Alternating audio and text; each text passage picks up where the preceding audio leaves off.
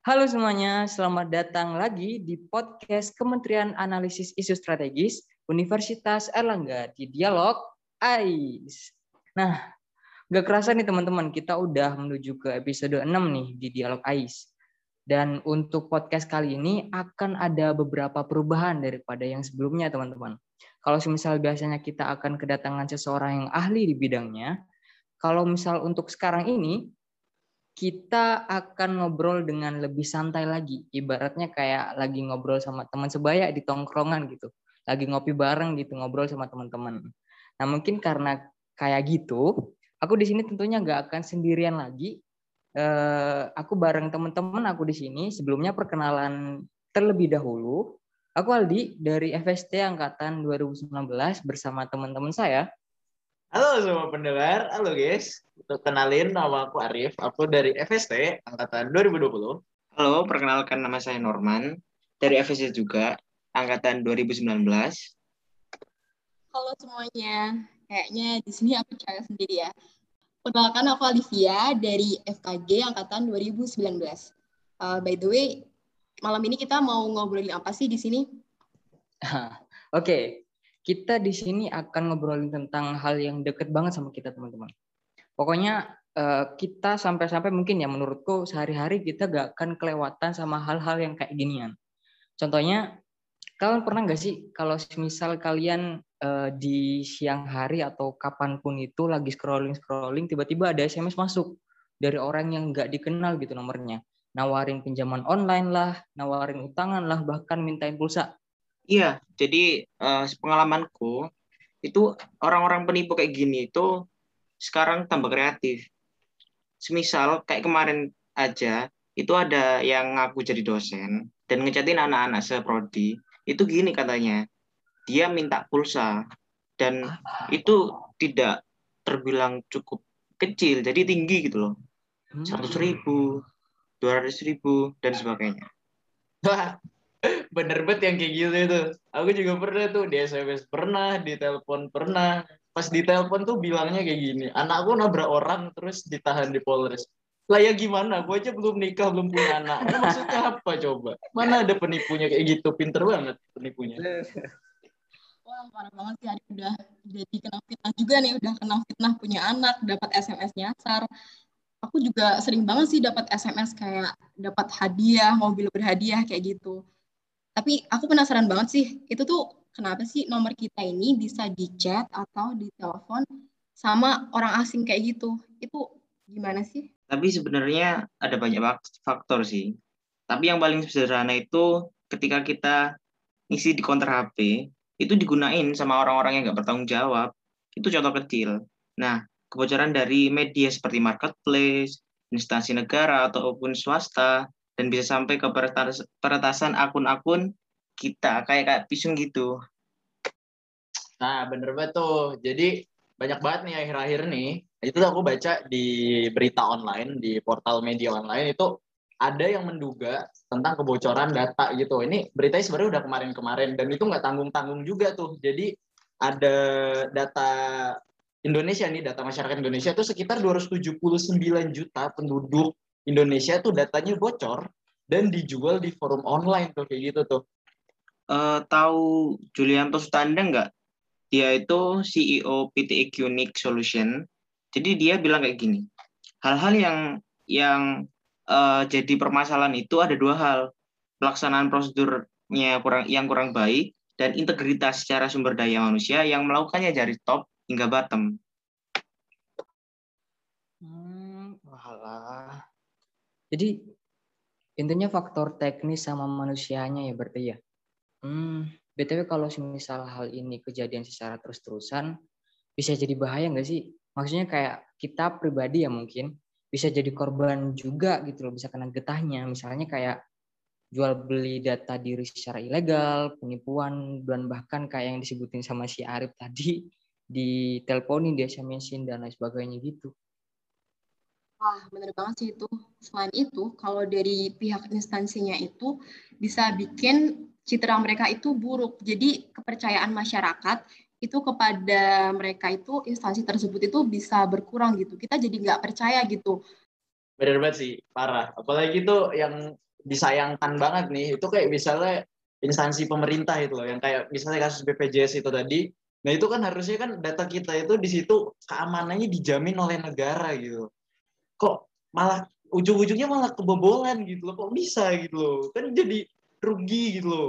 Bisa udah rugi dari material data-data itu sendiri tadi terus habis itu rugi yang benar kayak tadi yang diomongin ada trustnya itu tadi trust isu jadi kita jadi punya trust isu ke pemerintah mengenai uh, kayak kita mau upload data nih ke pemerintah tuh kita udah gak gak percaya lagi. Nah itu bahaya yang kayak gitu-gitu sih. Terus juga apa namanya kalau misalnya data kita ini tadi bocor tuh Nah, itu kan apalagi data pemerintah, data instansi negara nih, itu berarti mengindikasikan nih, menunjukkan bahwa kalau misalnya data-data pemerintah kita itu masih bisa terdapat ancaman. Gimana sih masih bisa diancam gitu, masih bisa diancam oleh hacker-hacker baik dari dalam negeri e, maupun dari luar negeri dan itu parah banget berarti apa namanya e, kekuatan cyber kita nih masih bisa dibilang terbilang tuh masih lemah gitu, belum kuat-kuat banget lah. Iya benar eh btw tadi Arif kan bilang kalau misal ada beberapa banyak uh, kejadian bocor data gitu di Indonesia. Apa yeah, aja yeah. tadi? Oh, jadi kalau ini kan ini dari berita yang aku baca yang kemarin ya, itu tuh ada BPJS, ada EHEC, ada Tokopedia, ada Bukalapak, ada BRI Live, sama kayak Peduli Lindungi, sama ya ada beberapa lain-lain. Kayaknya banyak juga sih yang diduga bocor yang pengguna-penggunanya ini data itu pada bocor semua kayaknya ada lebih banyak sih. Cuman kalau yang kemarin aku baca sih yang itu tadi aku sebutin gitu. Wah, nggak cuma itu sih, Rip. Aku juga banyak baca di berita itu ada kayak data Facebook, Red Doors, Credit Plus, dan bahkan kabarnya juga dijual di forum-forum kayak Reddit, Reddit Forums, dan masih banyak banget yang kayak gitu. Banyak ya ternyata ya. Kenapa aja tuh? Kalau yang aku tahu nih, yang aku baca kemarin itu, BPJS sama e-hack. Nah, jadi BPJS itu tuh ada ratusan juta pengguna BPJS. Ada BPJS itu sendiri kan kayak jaminan asuransi buat masyarakat Indonesia yang notabene-nya tuh wajib dibayar dan ditawarkan oleh pemerintah dan datanya itu harusnya e, mencakup masyarakat Indonesia secara besar tuh dan itu datanya tuh bocor dan dijual di forum online yang namanya Rate Forums dan datanya itu dijual cuma seharga 84 juta. Bayangin itu ada ratusan juta penduduk Indonesia yang datanya bocor dan dijual dengan nominal yang bisa dibilang kecil cuma 84 juta rupiah. Nah, kalau yang e-hack itu kemarin tuh ada sekitar 1,3 juta data yang dari database-nya e-hack itu bocor gitu di-hack kayak gitu sih. Tapi kalau misal dari dari e-commerce ataupun marketplace kayak Tokped itu ada 91 juta data pengguna, data pengguna biasa seperti pembeli, dan ada 7, 7 juta penjual diduga bocor pada bulan Mei 2020. Sedangkan Maret 2019 itu ada 13 juta data, data akun yang bocor dari Bukalapak pada bulan itu. Wah, gila banyak banget data yang bocor. Takutnya nih ada salah satu data dari aku sendiri tuh yang bocor di situ. Nah, tapi kalian juga pernah kan dengar kabar kalau Facebook, BRI Live, Red Doors, sampai Kredit Plus ada sekitar ratusan ribu bahkan sampai jutaan data pengguna itu juga bocor bahkan sampai diperjualbelikan gitu loh guys. Nah iya bener banget tuh kalau misalnya kayak data kita bocor terus dijual belikan tuh ya jelas banget. Nah biasanya tuh data kita tuh kalau bocor dijual, nah terus yang beli-beli itu ya orang-orang yang scammer scammer tadi dan data kita tuh biasanya dijualnya dijual secara murah. Nah, terus ada lagi nih yang parahnya nih, yang menyedihkannya nih, yang mirisnya nih, itu pemerintah itu lelet nanggepin kebocoran data yang terjadi. Jadi VPN Mentor itu yang menemukan data bocor dari e-hack kemarin yang 1,3 juta data itu tadi, itu sempat ngasih informasi ke Kemenkes pada tanggal 21 dan 26 Juli 2021 bahwa datanya bocor. Nah, tapi nggak ditanggepin, didiemin doang tuh ditanggepinnya tuh baru di, setelah dilapor ke BSSN Badan Siber Sandi Negara tuh pada tanggal 24 Agustus 2021. Nih bayangin jedanya nih dari 21 gak ditanggepin, terus lima hari kemudian 26 Juli gak ditanggepin, terus tanggal 24 Agustus baru ditanggepin tuh dari Juli ke Agustus tuh. Juni, Juli, Agustus sebulan didiemin doang tuh laporan. Iya betul parah banget datanya padahal udah bisa dijual belikan tuh dalam sebulan udah dapet duit itu penipunya itu yang ngehack tuh Iya, benar banget tuh. Ternyata pemerintah kita tuh masih apa ya kurang gerak cepat gitu dalam menanggapi laporan kasus kebocoran data kayak gitu. Padahal hal tersebut itu bisa berakibat fatal gitu jika nggak ditanggapi secara cepat. Apalagi aku pernah baca data tentang ini, ternyata dari lima tahun terakhir itu laporan pencurian data itu meningkat 810 persen. Bayangin guys, lebih dari 100 persen dari 20 laporan di tahun 2016 ke 182 laporan di tahun 2020 kemarin. Uh, parah banget kan, itu benar-benar meningkat drastis. Kalau misalnya udah kayak gini ya kejadiannya, seharusnya pemerintah tuh bisa ningkatin lagi gitu loh. Bisa apa ya, berbenah, berbenah diri gitu loh. Meningkatkan kayak contohnya meningkatkan sistem keamanan cyber negara. Karena ya mengingat juga kasusnya emang udah sebanyak itu, data yang bocor juga yang nggak sedikit ya emang sebanyak itu gitu. Tapi Al sebenarnya nggak separah itu deh. Soalnya hal hasil dugaan kebocoran data itu sudah ditanggapi secara serius oleh pihak yang bersangkutan. Seperti Tokped, Lazada, dan e-commerce lainnya, itu sudah mencari tahu apa yang menjadi indikator kebocoran data secara langsung, di mana pintu-pintu itu kebocoran masuk, dan e, diperbaiki pula sistem keamanan oleh pihak yang bersangkutan. Kayak gitu al. Benar kalau kata Norman yang benar perusahaan fintech atau perbankan tuh kayak misalnya contoh yang kasus bocor kemarin itu BRI Life itu langsung ditangani bareng-bareng oleh pihak BRI dan juga dibantuin sama pihak pemerintah khususnya dari Menkominfo agar uh, sistemnya diperbarui lagi biar gak uh, gampang ke hack lagi sesuai dengan undang-undang tentang sistem dan transaksi elektronik. Namun alangkah baiknya lebih baik kan di mana-mana mencegah dong daripada cuma hanya menanggulangi atau menutupi hal tersebut gitu atau memperbaiki hal tersebut. Jadi kalau mendingan tuh udah dicegah aja sih. Bener banget, Rip. Ya seharusnya juga ya eh, kalau misalnya ada kejadian kebocoran data kayak gini dari pihak mana pun itu bisa langsung gercep gitu. Bisa langsung apa namanya? sigap untuk menindaklanjuti bareng juga mungkin uh, bersama-sama sama BSSN dan juga polisi cyber terkait dengan penanganan bocoran data. Nah iya benar banget sih bisa dibantu sama instansi-instansi pemerintah itu tadi biar sesuai dengan standar keamanan yang di apa yang diindikasikan oleh pemerintah. Namun ya tetap aja kalau bisa lebih kuat ya diusahakan lebih kuat lagi biar bisa mencegah.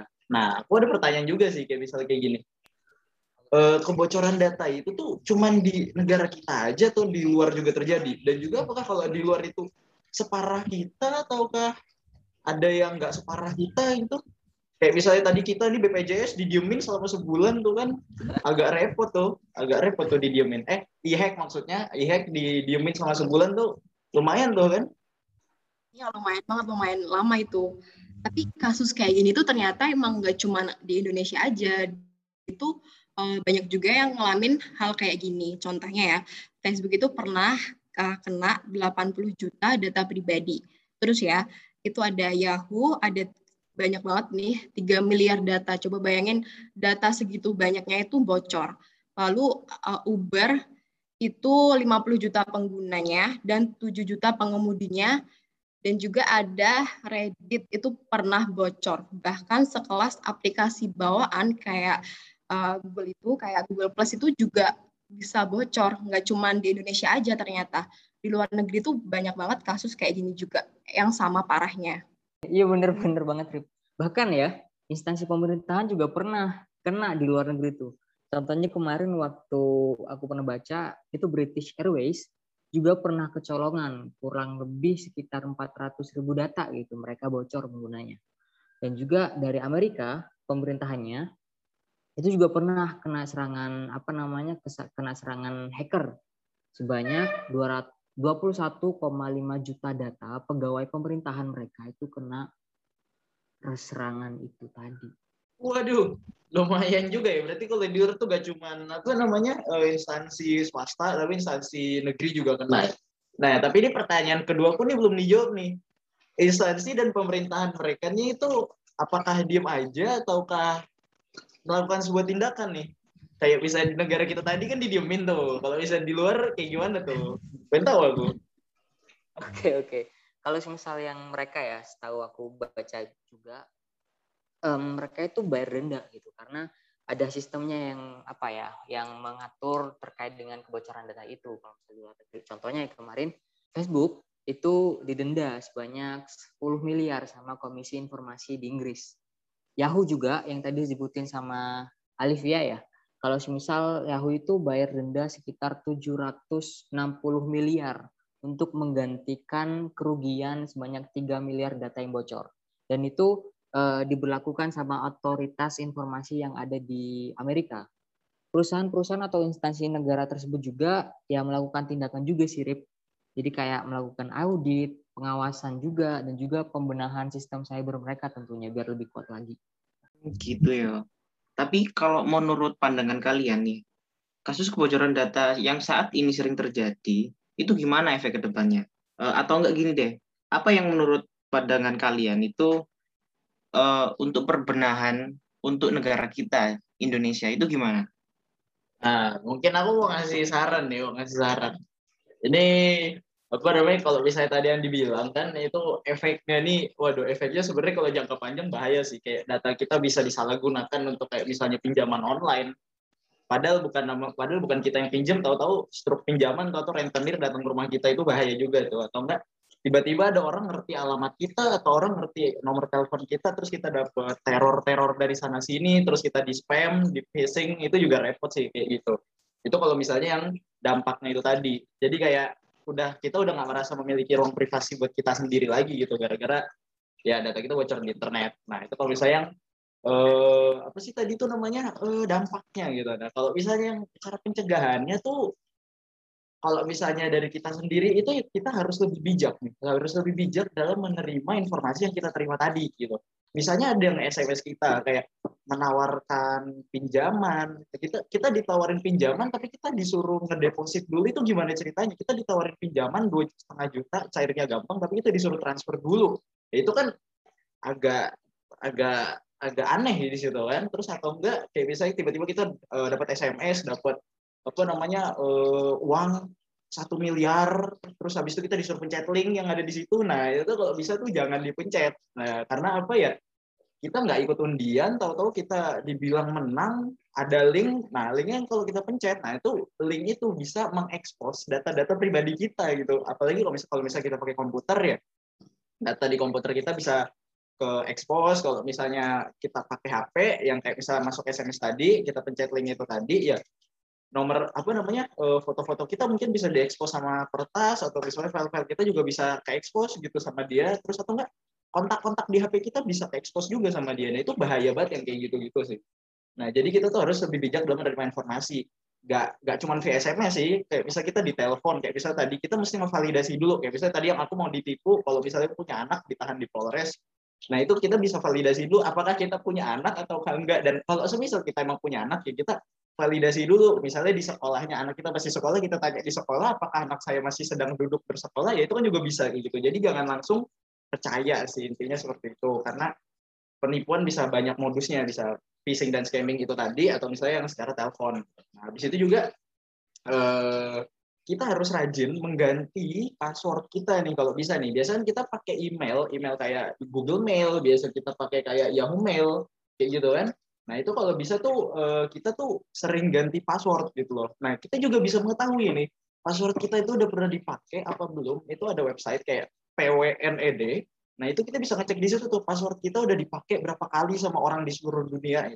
Kita bisa ngasih bisa tahu apakah ada yang passwordnya mirip kayak kita atau enggak. Nah itu Terus juga kita bisa mengetahui email kita udah pernah pengen dicoba dibobol ataukah belum di website PWNED itu tadi juga kita bisa mengetahui gitu. Udah berapa kali website berapa kali email kita pernah dibobol atau udah berapa orang memiliki password yang sama kayak kita. Nah, itu juga bisa menggunakan PWNED tadi. Tapi itu tadi website cuma buat checker ya, bukan buat kayak nge-generate random password gitu enggak, tapi itu cuma buat ngecek aja. nah, terus habis itu ini hati-hati ketika menggunakan one time password atau OTP yang biasa itu misalnya kita nih kita punya aplikasi e-wallet di mana kayak misalnya ada Gojek misalnya aku nyebut brand Gojek ya. Nah Gojeknya ini tuh kayak ngasih kode OTP ke kita. Kan di situ ada tertera di situ ada tulisannya jangan berikan kode OTP ini ke orang lain. Nah biasanya nih biasanya kita dapat telepon dapat telepon terus kita dibilang eh, selamat kamu dapat satu juta GoPay. Nah, terus nanti kita dikasih step di mana kita disuruh eh, masukin eh di mana kita disuruh ngasih kode OTP kita ke orang yang nelpon itu tadi. Orang yang nelpon tadi bilang, "Ya, nanti ada SMS kode OTP masuk. Nah, tolong Ibu sebutin atau nggak tolong Bapak sebutin kode OTP-nya ya." Nah, kalau misalnya kayak gitu kan orang yang tadi nelpon kita itu otomatis bakal eh, memiliki kuasa atas akun kita, memiliki kuasa dong bisa punya akses ke akun kita itu tadi. Jadi bukannya kita dapat GoPay satu juta, yang ada akun Gojek kita ludes diambil sama dia. Nah repotnya nih kalau misalnya akun Gojek kita ludes ya, orang tersebut bisa tahu kayak alamat kita, terus bisa ngambil uang dari GoPay kita, ya itu repot juga sih kayak gitu. Kalau misalnya yang kayak one time password, karena di situ udah ada tulisannya untuk jangan diberikan ke orang lain. Terus berikutnya itu juga apa namanya? Kita harus berhati-hati dalam mengupload atau mengunggah data pribadi kita yang kayak modelannya kayak KTP atau misalnya kayak data paspor itu kan jelas tuh ada NIK nomor induk kependudukan. Nah, kayak gini terus apalagi foto KTP sama foto muka. Nah, itu itu kalau bisa benar-benar harus kita jaga. Jadi kemarin tuh aku sempat scroll scroll Twitter, udah agak lama sih dan juga sempat baca-baca di Google. Ada artikel itu menunjukkan bahwa ada metode di mana kita bisa mengupload KTP kita nih, kita upload KTP, Nah, tapi itu bisa kita tutupin beberapa datanya dan itu sah menurut Menkominfo gitu. Jadi nggak harus semuanya di di scanin gitu. Jadi kayak cuman bukti aja bahwa kamu itu uh, penduduk Indonesia gitu loh.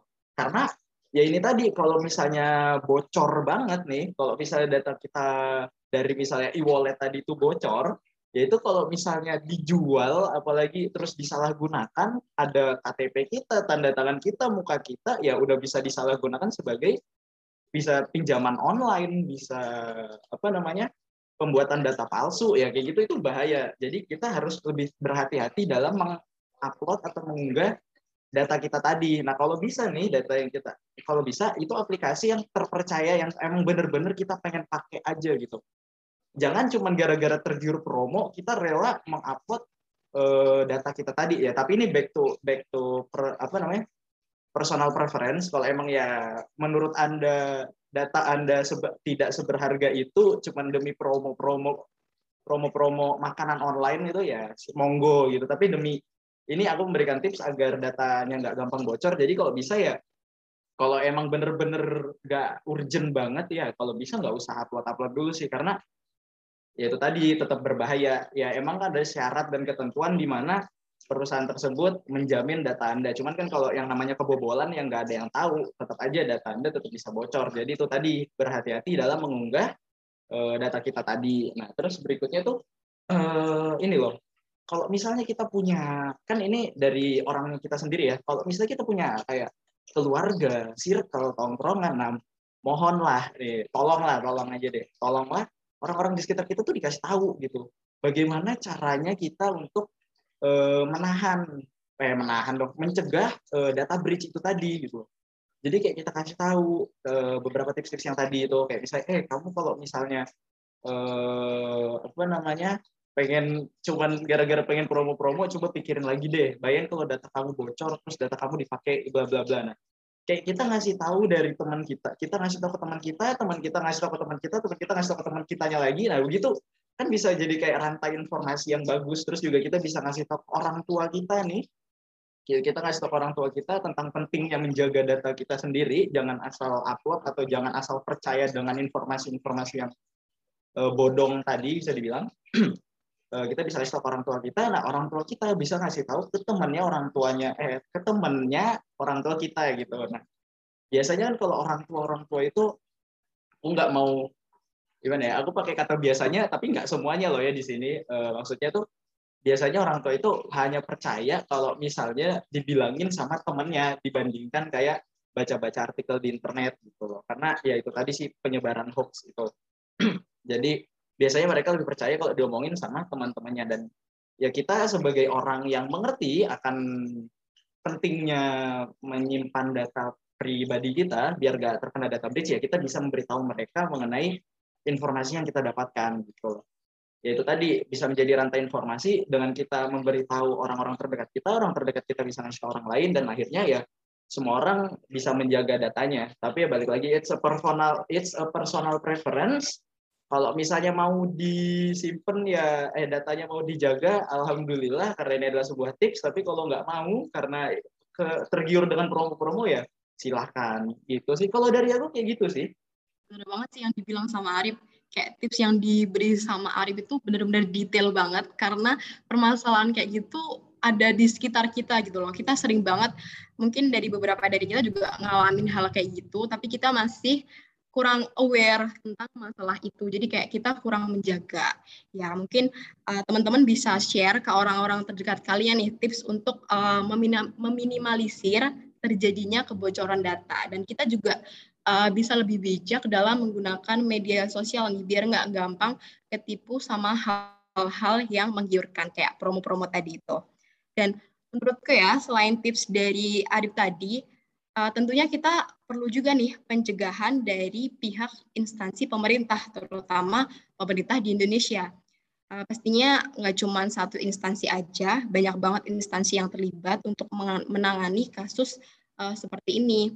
Kayak misalnya yang pertama, menurutku Badan Cyber dan Sandi Negara atau BSN, BSSN itu perlu melakukan investigasi secara mendalam atas terjadinya insiden keamanan ini supaya uh, ke depannya itu dapat memberikan rekomendasi sistem keamanan yang handal dalam pengelolaan sistem informasi di Indonesia.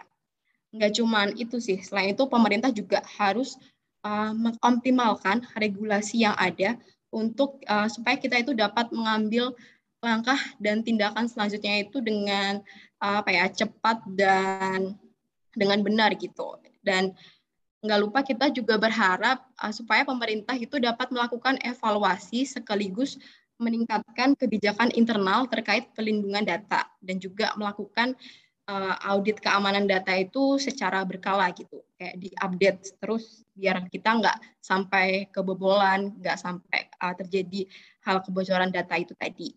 Uh, gunanya untuk memastikan kepatuhan dengan prinsip-prinsip perlindungan data pribadi dan keamanan cyber uh, menurut aku itu uh, semoga pemerintah itu bisa lebih uh, memfokuskan ke hal-hal pencegahan gitu daripada kita menangani apa ya sebelum biar nggak ada kasus yang terjadi lagi gitu. Lebih baik mencegah ya.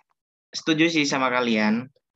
Perlindungan diri untuk data diri kita masing-masing itu juga perlu. Tapi perubahan sistem untuk ter instansi terkait itu juga perlu tapi mungkin harapan ke depannya itu hal yang menjadi dasar hukum seperti RUU tentang perlindungan data, data pribadi atau yang disingkat sebagai RUU PDP itu harus memberikan kepastian hukum perlindungan data pribadi untuk bisa segera disahkan gitu.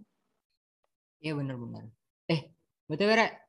Ini kita kedatangan sama uh, teman-teman baru nih yang barusan datang. Boleh dong perkenalan dulu. Halo Mas, Mbak. Salam kenal, aku Fatih dari Fakultas Teknologi Maju dan Multidisiplin Angkatan 2021. Halo Fatih. Halo. Halo Mas Mbak semuanya. Kenalin, nama aku Farah dari Fakultas Psikologi Angkatan 2021. Salam kenal juga Farah. Oh, Farah. Ngomong-ngomong, lagi ngobrolin apa nih Mas? Kita lagi ngobrolin tentang kebocoran data pribadi nih, Rek. Dan ini buat apa podcast kita nih kebetulan juga. Nah, aku juga mau tanya nih, mungkin ke kalian juga ya, karena kalian juga baru datang ke sini. Um, menurut kalian nih, dari kejadian-kejadian kalian tahu kan tentunya eh, kebocoran data yang kayak BPJS kemarin, bahkan ke kebocorannya apa namanya nomor KTP-nya dari Pak Jokowi di Peduli Lindungi, itu tahu kan? Nah itu menurut kalian kebocoran data kayak gitu itu pandangan kalian gimana? Um, kalau menurut aku sih kak benar banget nih kebocoran data itu lagi marak-maraknya kan sekarang. Di mana-mana itu dibahas. Bahkan di mata kuliahku di data dan pustaka juga dibahas nih akan kebocoran data yang sedang terjadi saat ini. Terus gimana sebagai pihak pengelola data atau yang menyimpan informasi itu harus memperhatikan isu-isu yang ada seperti keamanan data terus persetujuan kita terus sama kerahasiaan data yang mereka pegang dan menurutku sih apa ya kebocoran data itu nggak bisa dihindari sekarang. Um, resikonya kan emang tinggi kalau kita udah apa ya punya udah mengunggah data-data kita ke internet karena kebanyakan aspek kehidupan kita sekarang kan apa ya sudah lewat internet seperti kayak online shopping, terus pendaftaran-pendaftaran itu kan udah lewat internet semua. Jadi emang ada resiko tinggi sih. Dan menurutku untuk menghadapi resiko-resiko itu yang bisa kita lakukan itu pertama sih kita bisa apa ya membaca terms and condition sama privacy policy yang aplikasi atau web-web yang um, menyimpan data-data kita itu yang mereka berikan. Nah, dengan apa ya membaca hal-hal tersebut kita itu kan bisa jadi tahu web web sama aplikasi itu ngapain aja sih ya, ngapain cara mereka ngelola data kita. Jadi kita nggak asal ngomong eh, nggak asal accept atau nge-agree sama policy mereka. Terus selanjutnya kita itu juga bisa menghapus data lama kita yang ada di handphone kita gitu sama mengupdate software kita jadi bisa lebih aman aja sih kalau menurutku sih eh, kebocoran data ini sangat bahaya sih mas karena kan data pribadi itu penting banget kan nggak lucu kalau tiba-tiba ada orang nagih hutang padahal nggak pernah minjam uang gitu nah terus kalau masukin data pribadi ke sosmed atau online shop atau ke situs pemerintah kayak di Peduli Lindungi gitu kan kita cuma bisa pasrah ya. Data kita di sana. Ya harusnya sih perusahaan atau pemerintah benar-benar serius menangani masalah ini. Bener banget Farah sama Fatih. Iya aku juga setuju sama kalian sih. Eh tapi BTW eh, kayaknya kita udah cukup lama nih ngobrol teman-teman. Dan kayaknya mungkin juga ya karena durasi juga uh, episode kita, podcast kita untuk dialog kais cukup sampai sini aja nih. Ya, ya masa udah selesai, padahal bahasanya masih luas loh ini. Aku boleh nambahin Wah. yang tadi si Farah gak kira-kira nih? Oh, udah, udah, udah, Rif. Oh, ya udah deh kalau gitu. Kalau gak boleh ya udah. Gak kerasa juga nih kita kayak udah ngobrol lama banget. Nanti mungkin Arif kita bisa obrolin lain kali ya. Uh, aku juga dapat banyak banget informasi dan insight baru tentang kebocoran data yang bahkan itu uh, sering banget kayak terjadi di sekitar kita kayak gitu. Semoga pendengar bisa dapat insight baru dan juga bermanfaat bagi kita semua. Amin, amin, amin. Bener banget. Kalau misalnya dari Farah sama Fatih, menurut kalian eh, harapan kalian gimana nih buat para pendengar yang mendengarkan kita di podcast Dialog Ais episode ini? harapanku sih ya semoga bisa bermanfaat ilmunya terus bisa menambah wawasan terus e, bisa disebarkan juga ilmu yang baru didapatkan ini dan dipraktekkan di kehidupan nyatanya jadi e, keamanan data kita itu bisa ditingkatkan lah setuju banget nih aku sama Fatih juga aku berharap para pendengar itu hati-hati dalam memberikan data mereka dan apa ya jangan ngasih data ke website atau aplikasi yang abal-abal Amin. Ya, semoga apa harapan baik kalian bisa terwujud juga lah ke depannya biar ada dampaknya ya juga buat teman-teman yang mendengarkan episode kita pada hari ini. Nah, mungkin cukup sampai segitu teman-teman semuanya.